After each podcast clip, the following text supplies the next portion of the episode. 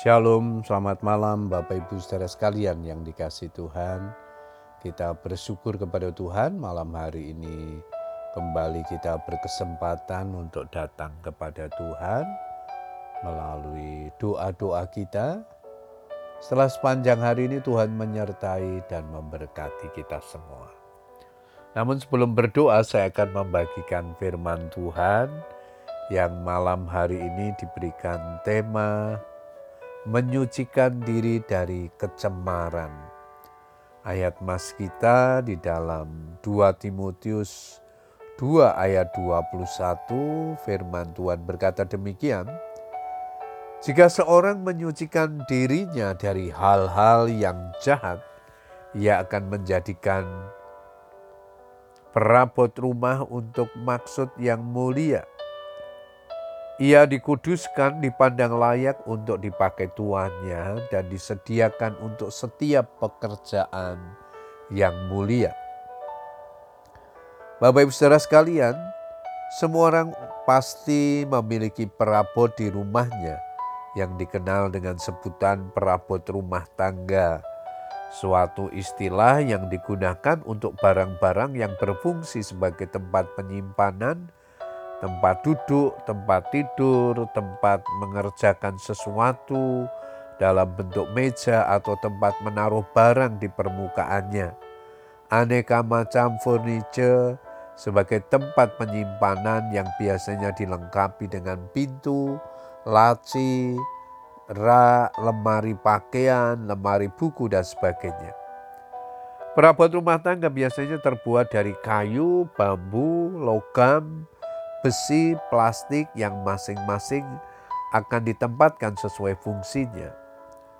Perabot-perabot yang menurut kita sangat penting, menarik, dan berkualitas pasti tidak akan kita taruh di tempat sembarangan, tetapi di tempat yang strategis supaya dilihat oleh banyak orang.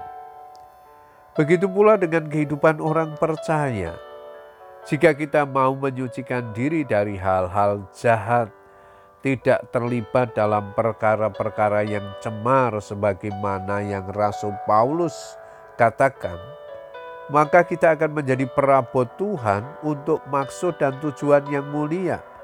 Kita akan dipilih, dikhususkan dan dipandang layak untuk dipakai Tuhan serta disediakan untuk setiap pekerjaan yang mulia. Oleh karena engkau berharga di mataku dan mulia, dan aku ini mengasihi engkau. Semua orang yang disebutkan dengan namaku yang kuciptakan untuk kemuliaanku, yang kubentuk dan yang juga kujadikan. Yesaya 43 ayat 4 dan 7. Nasihat Rasul Paulus ini bukan semata-mata ditujukan kepada Timotius, anak rohani sekaligus rekan kerja pelayanannya yang menjadi penilai atau penatua jemaat di Efesus, tetapi juga ditujukan untuk semua orang percaya yang terpanggil melayani Tuhan dengan tugas-tugas yang berbeda. Bapak Ibu Saudara sekalian, arti kata menyucikan diri berarti membersihkan secara menyeluruh tidak ada istilah kompromi atau suam-suam kuku. Karena itu, barang siapa yang benar, biarlah ia terus berbuat kebenaran.